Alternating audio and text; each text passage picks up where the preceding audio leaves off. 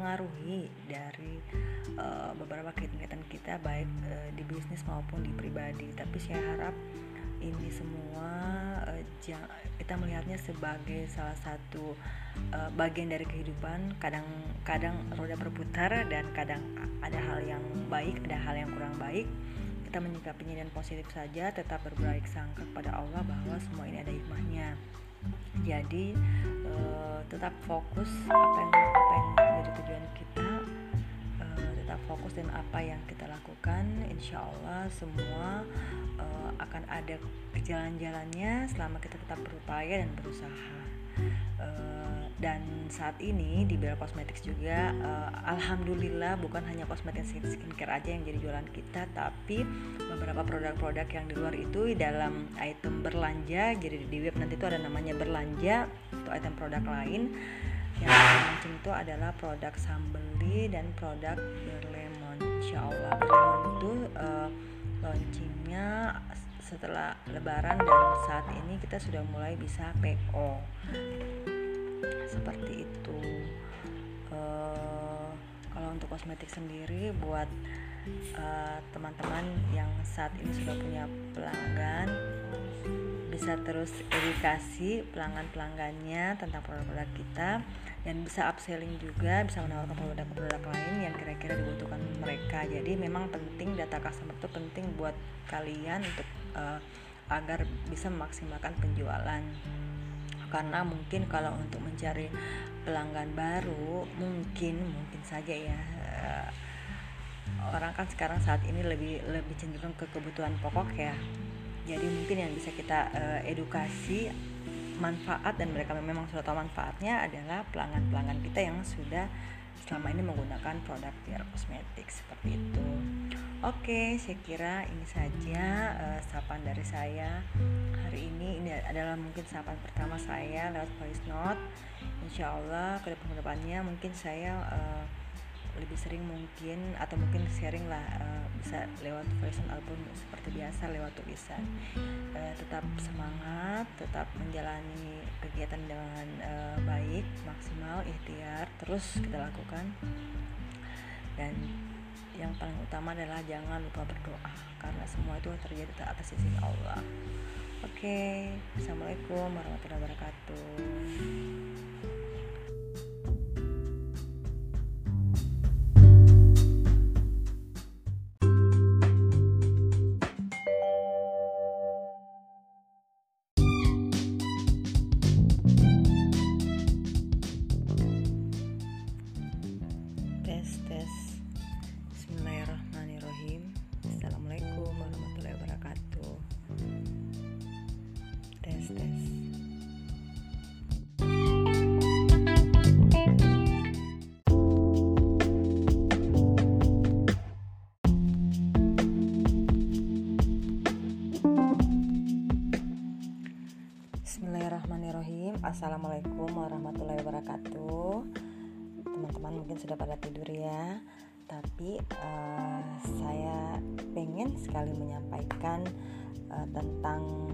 mentoring dadakan malam ini bersama Kang Dewa Yang memang informasinya dadakan kurang lebih 5 menit sebelum sesinya dimulai Jam 9 Sesinya itu dimulai jam 9 malam waktu Indonesia Tengah.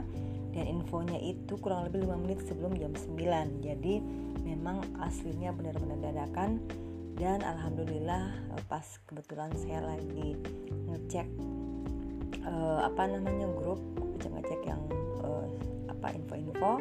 Dan ada info terbaru dan alhamdulillah akhirnya uh, meetingnya berlangsung kurang lebih sekitar dua jam. Uh, uh, mungkin uh, pada saat ini saya akan sharing singkat saja dari hasil pemahaman saya dari mentoring malam ini bersama Kang Dewa. Jadi pembahasan tentang mentoring kali ini tentang meta program.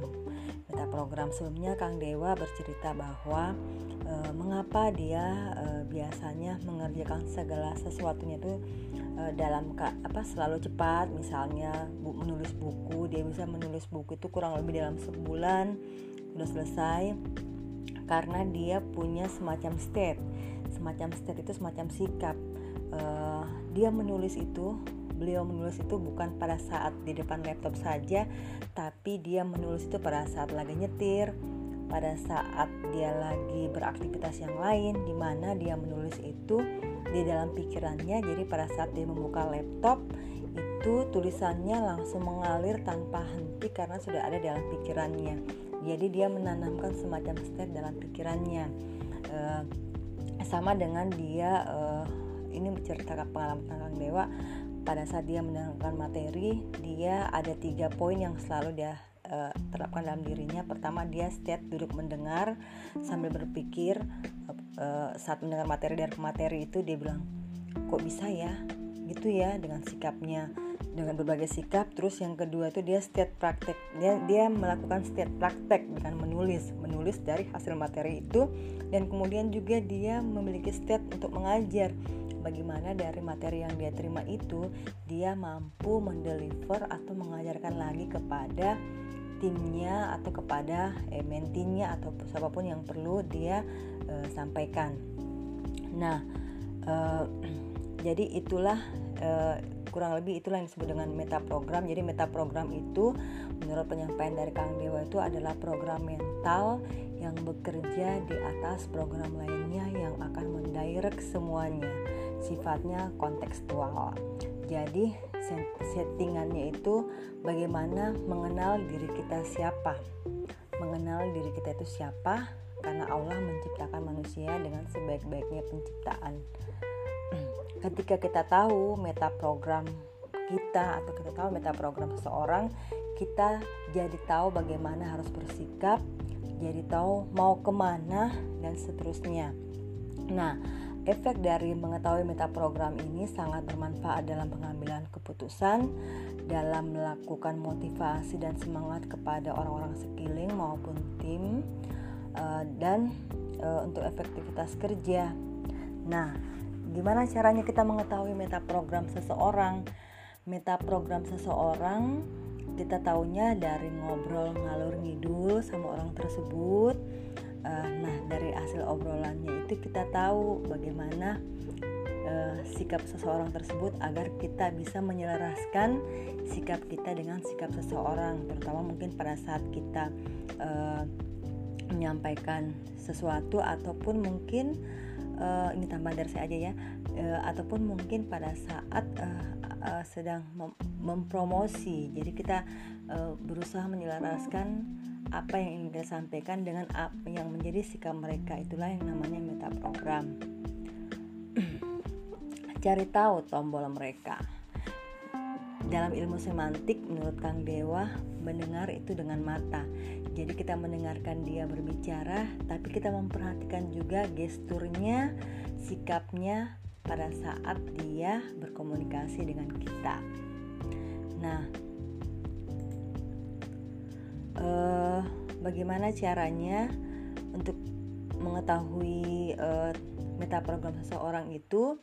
Ada beberapa cara uh, mungkin kita bisa cari tahu dengan mempertanyakan apa yang paling penting dari seseorang gali dan cari tahu apa yang paling penting terus apa yang paling diinginkannya dalam hidup. Perhatikan uh, sikapnya dan bahasanya pada saat menyampaikan ini. Nah yang kedua juga itu kita perlu tahu arah dan motiva motivasi seseorang itu. Apakah dia ada dua hal? Dia toward atau away? Toward itu menuju sesuatu away itu menghindari sesuatu. Nah kalau menurut pengalaman Kang Dewa dari pembahasannya tadi itu Kang Dewa itu cenderung dia kalau dari yang kami tangkap itu cenderung dia away punishment. Jadi pada saat dia melakukan segala sesuatu ataupun mungkin dia punya target penjualan misalnya yang memotivasi dia adalah away atau punishment bukan rewardnya. Jadi ada dua hal yang membuat orang termotivasi adalah daya tariknya atau rewardnya dan daya dorongnya atau punishment. Misalnya uh, saya bisa uh, saya punya target jualan uh, 100 juta misalnya karena uh, saya ingin melunasi hutang-hutang saya. Kalau saya tidak melunasi hutang saya saya bakal ditagih-tagih sama debt collector. Itu artinya motiv motivasinya karena punishment atau daya dorong. Sementara kalau misalnya target targetnya seseorang misalnya 100 eh, juta atau 200 juta dengan penjualan per bulan uh, dan dia uh, karena mengejar sesuatu misalnya karena dia ingin reward mobil misalnya itulah yang disebut dengan motivasi toward atau motivasi uh, reward. Nah, ini perlu kita pertanyakan kepada orang tersebut apakah yang apa yang menjadi uh, yang penting bagimu sama dengan ketika kita uh, mempromosikan produk atau menawarkan produk sama seseorang kita akan tanyakan uh, produk ini apa uh, kira-kira yang kamu butuhkan dari produk ini kalau misalnya dia menjawabnya karena saya ingin supaya kulit saya uh, tidak berjerawat lagi. Nah, itu berarti dia motivasinya menghindari sesuatu atau dia tidak mau atau punishment.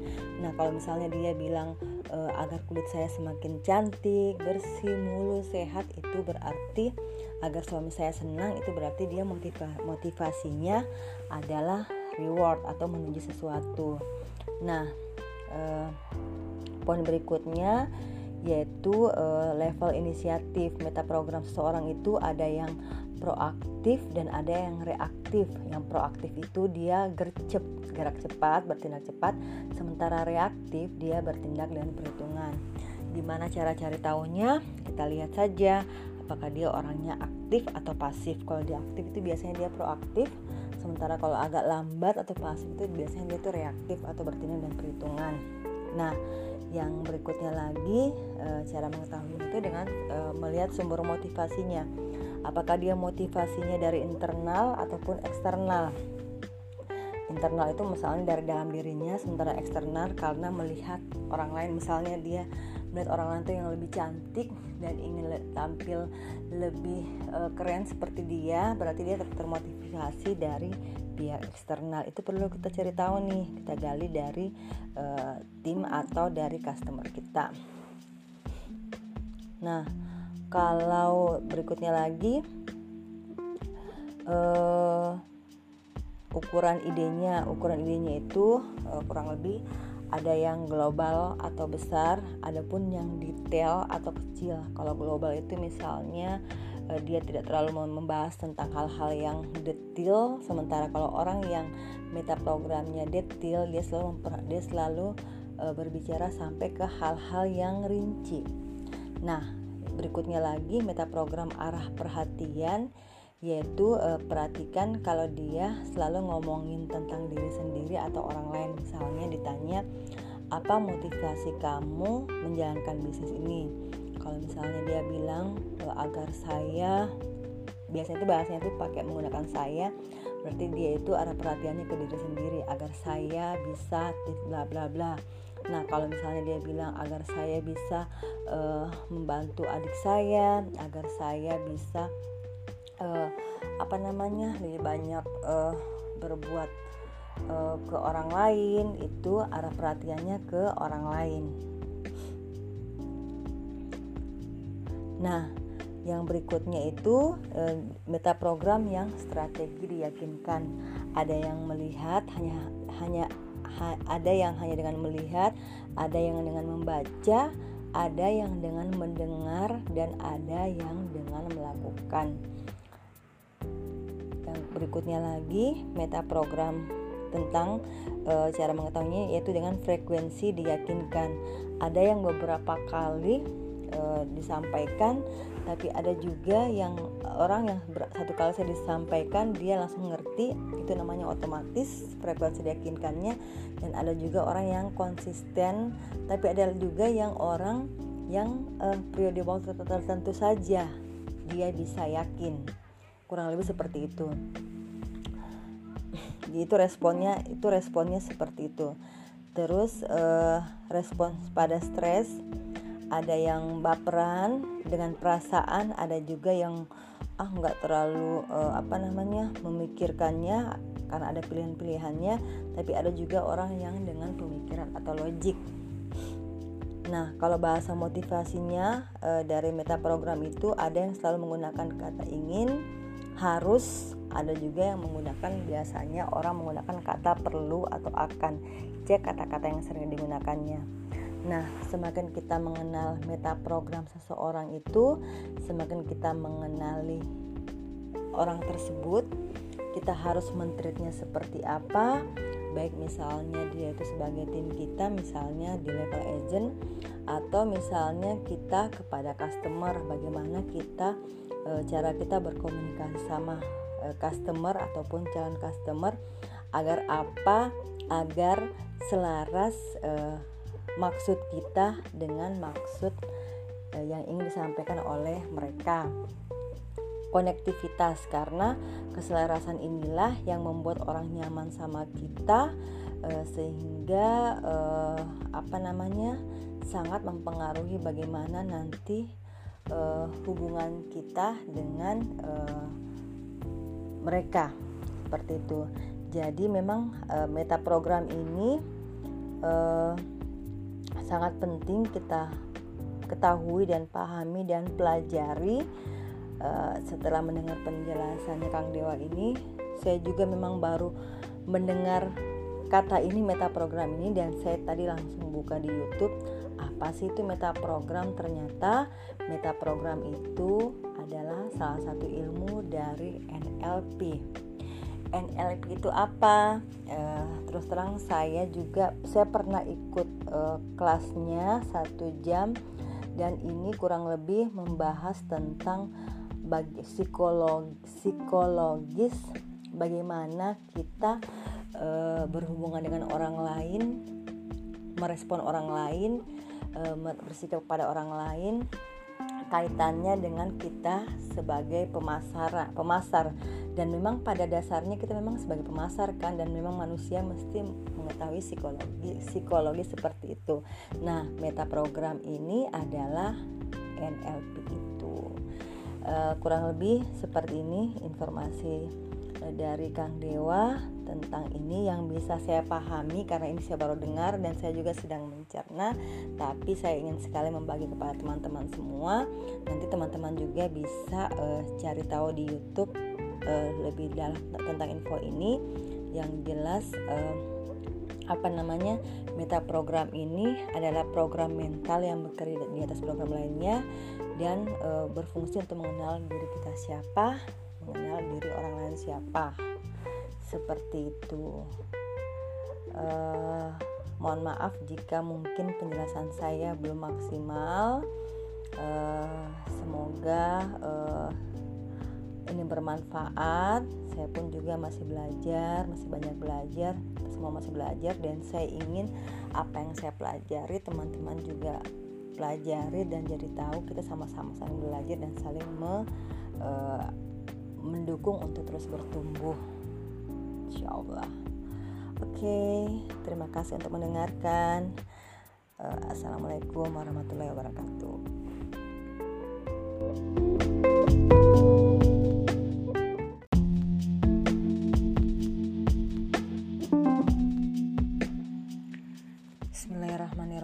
Assalamualaikum warahmatullahi wabarakatuh. Teman-teman mungkin sudah pada tidur ya Tapi uh, saya pengen sekali menyampaikan uh, tentang mentoring dadakan malam ini bersama Kang Dewa Yang memang informasinya dadakan kurang lebih 5 menit sebelum sesinya dimulai Jam 9 Sesinya itu dimulai jam 9 malam waktu Indonesia Tengah. Dan infonya itu kurang lebih 5 menit sebelum jam 9 Jadi memang aslinya benar-benar dadakan. Dan alhamdulillah eh, pas kebetulan saya lagi ngecek uh, apa namanya grup ngecek ngecek yang uh, apa info-info. Dan memang ada info terbaru dan alhamdulillah akhirnya uh, meetingnya berlangsung kurang lebih sekitar dua jam. Uh, uh, mungkin uh, pada saat ini saya akan sharing singkat saja dari hasil pemahaman saya dari mentoring malam ini bersama Kang Dewa. Jadi pembahasan tentang mentoring kali ini tentang meta program. Meta program sebelumnya Kang Dewa bercerita bahwa e, mengapa dia e, biasanya mengerjakan segala sesuatunya itu uh, dalam apa selalu cepat. Misalnya bu, menulis buku dia bisa menulis buku itu kurang lebih dalam sebulan sudah selesai. Karena dia punya semacam state. Semacam state itu semacam sikap. Uh, dia menulis itu beliau menulis itu bukan pada saat di depan laptop saja tapi dia menulis itu pada saat lagi nyetir pada saat dia lagi beraktivitas yang lain di mana dia menulis itu di dalam pikirannya. Jadi pada saat dia membuka laptop itu tulisannya langsung mengalir tanpa henti karena sudah ada dalam pikirannya. Jadi dia menanamkan semacam state dalam pikirannya. Uh, sama dengan dia uh, ini menceritakan pengalaman tentang dewa. Pada saat dia mendengarkan materi dia ada tiga poin yang selalu dia uh, terapkan dalam dirinya. Pertama dia state duduk mendengar sambil berpikir saat mendengar materi dari materi itu dia bilang kok bisa ya? Gitu ya dengan sikapnya dengan berbagai sikap. Terus yang kedua itu dia state praktek dia dia melakukan state praktek dengan menulis. Menulis dari hasil materi itu dan kemudian juga dia memiliki state untuk mengajar. Bagaimana dari materi yang dia terima itu dia mampu mendeliver atau mengajarkan lagi kepada timnya atau kepada eh, mentinya atau siapa pun yang perlu dia eh, sampaikan. Nah, eh, jadi itulah eh, kurang lebih itulah yang disebut dengan meta program. Jadi meta program itu menurut penyampaian dari Kang Dewa itu adalah program mental yang bekerja di atas program lainnya yang akan mendirect semuanya sifatnya kontekstual. Jadi settingannya itu bagaimana mengenal diri kita siapa. Mengenal diri kita itu siapa karena Allah menciptakan manusia dengan sebaik-baiknya penciptaan. Ketika kita tahu meta program kita atau kita tahu meta program seseorang, kita jadi tahu bagaimana harus bersikap, jadi tahu mau ke mana dan seterusnya. Nah, Efek dari mengetahui meta program ini sangat bermanfaat dalam pengambilan keputusan, dalam melakukan motivasi dan semangat kepada orang-orang sekeliling maupun tim, uh, dan uh, untuk efektivitas kerja. Nah, gimana caranya kita mengetahui meta program seseorang? Meta program seseorang kita tahunya dari ngobrol ngalur ngidul sama orang tersebut uh, nah dari hasil obrolannya itu kita tahu bagaimana uh, sikap seseorang tersebut agar kita bisa menyelaraskan sikap kita dengan sikap seseorang terutama mungkin pada saat kita uh, menyampaikan sesuatu ataupun mungkin uh, ini tambahan dari saya aja ya uh, ataupun mungkin pada saat uh, uh, sedang mem mempromosi. Jadi kita uh, berusaha menyelaraskan apa yang ingin kita sampaikan dengan apa yang menjadi sikap mereka. Itulah yang namanya meta program. Cari tahu tombol mereka. Dalam ilmu semantik menurut Kang Dewa mendengar itu dengan mata. Jadi kita mendengarkan dia berbicara tapi kita memperhatikan juga gesturnya sikapnya pada saat dia berkomunikasi dengan kita. Nah uh, bagaimana caranya untuk mengetahui uh, meta program seseorang itu? Ada beberapa cara uh, mungkin kita bisa cari tahu dengan mempertanyakan apa yang paling penting dari seseorang gali dan cari tahu apa yang paling penting terus apa yang paling diinginkannya dalam hidup perhatikan uh, sikapnya dan bahasanya pada saat menyampaikan ini. Nah yang kedua juga itu kita perlu tahu arah dan motiva motivasi seseorang itu. Apakah dia ada dua hal? Dia toward atau away? Toward itu menuju sesuatu away itu menghindari sesuatu. Nah kalau menurut pengalaman Kang Dewa dari pembahasannya tadi itu Kang Dewa itu cenderung dia kalau dari yang kami tangkap itu cenderung dia away punishment. Jadi pada saat dia melakukan segala sesuatu ataupun mungkin dia punya target penjualan misalnya yang memotivasi dia adalah away atau punishment bukan rewardnya. Jadi ada dua hal yang membuat orang termotivasi adalah daya tariknya atau rewardnya dan daya dorongnya atau punishment. Misalnya uh, saya bisa uh, saya punya target jualan uh, eh, 100 juta misalnya karena uh, saya ingin melunasi hutang-hutang saya. Kalau saya tidak melunasi hutang saya saya bakal ditagih-tagih sama debt collector. Itu artinya motiv motivasinya karena punishment atau daya dorong. Sementara kalau misalnya target targetnya seseorang misalnya 100 eh, juta atau 200 juta dengan penjualan per bulan uh, dan dia uh, karena mengejar sesuatu misalnya karena dia ingin reward mobil misalnya itulah yang disebut dengan motivasi toward atau motivasi uh, reward. Nah, ini perlu kita pertanyakan kepada orang tersebut apakah yang apa yang menjadi uh, yang penting bagimu sama dengan ketika kita uh, mempromosikan produk atau menawarkan produk sama seseorang kita akan tanyakan uh, produk ini apa uh, kira-kira yang kamu butuhkan dari produk ini kalau misalnya dia menjawabnya karena saya ingin supaya kulit saya uh, tidak berjerawat lagi. Nah, itu berarti dia motivasinya menghindari sesuatu atau dia tidak mau atau punishment. Nah, kalau misalnya dia bilang e, agar kulit saya semakin cantik, bersih, mulus, sehat, itu berarti agar suami saya senang, itu berarti dia motiva motivasinya adalah reward atau menuju sesuatu. Nah, e, poin berikutnya yaitu uh, level inisiatif. Meta program seseorang itu ada yang proaktif dan ada yang reaktif. Yang proaktif itu dia gercep gerak cepat bertindak cepat. Sementara reaktif dia bertindak dengan perhitungan. Gimana cara cari tahunya kita lihat saja.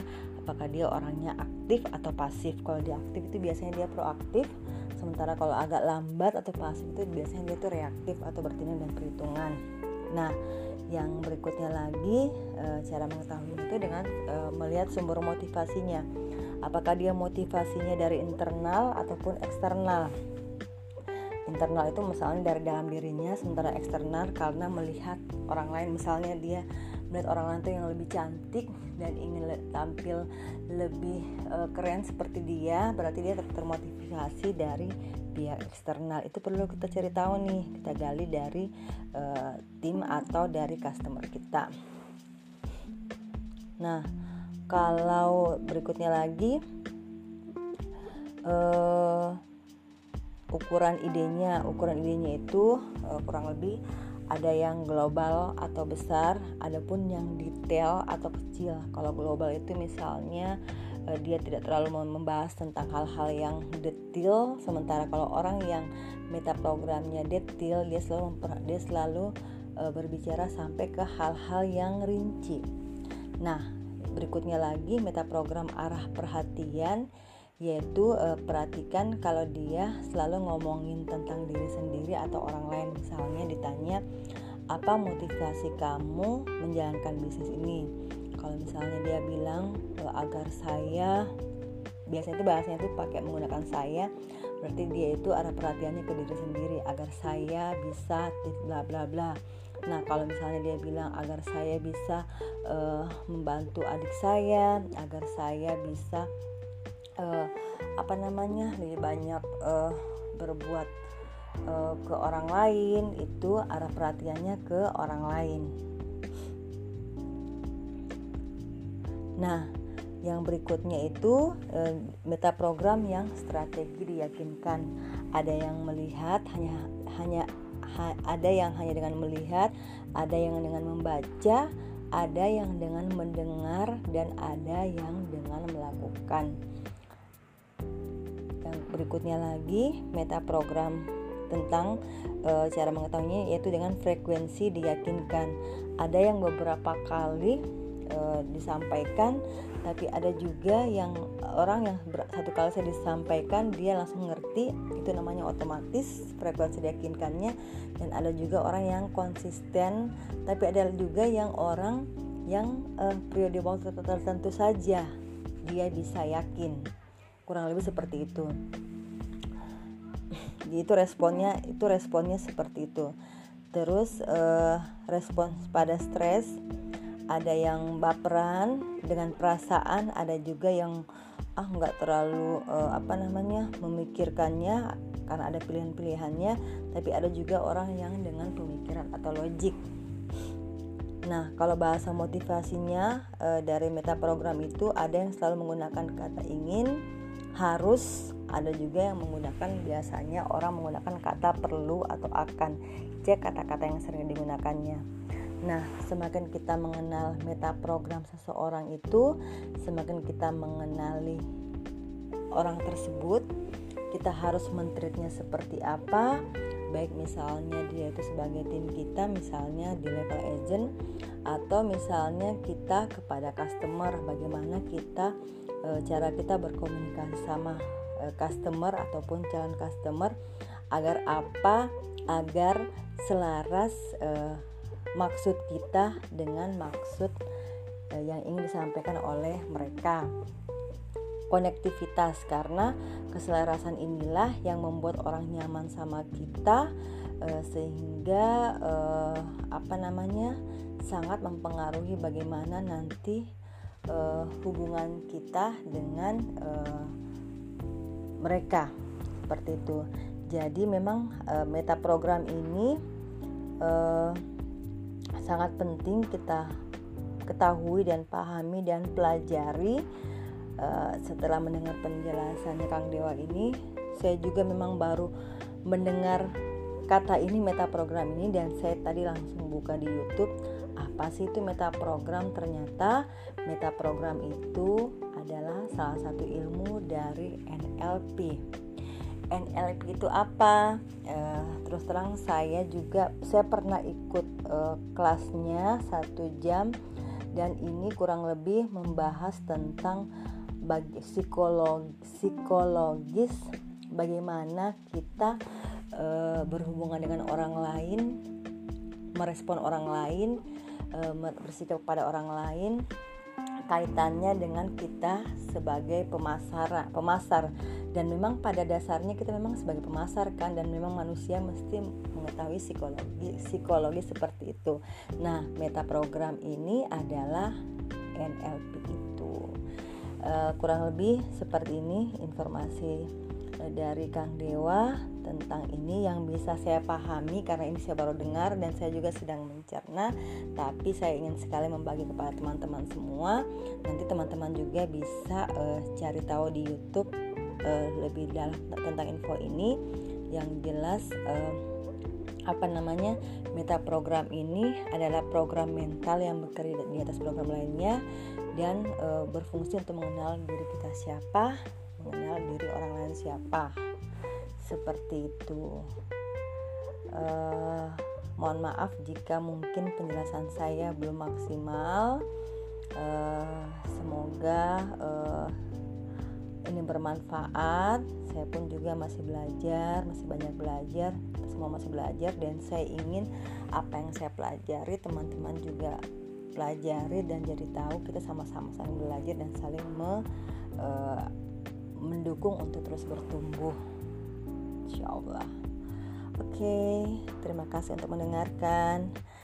Uh, assalamualaikum warahmatullahi wabarakatuh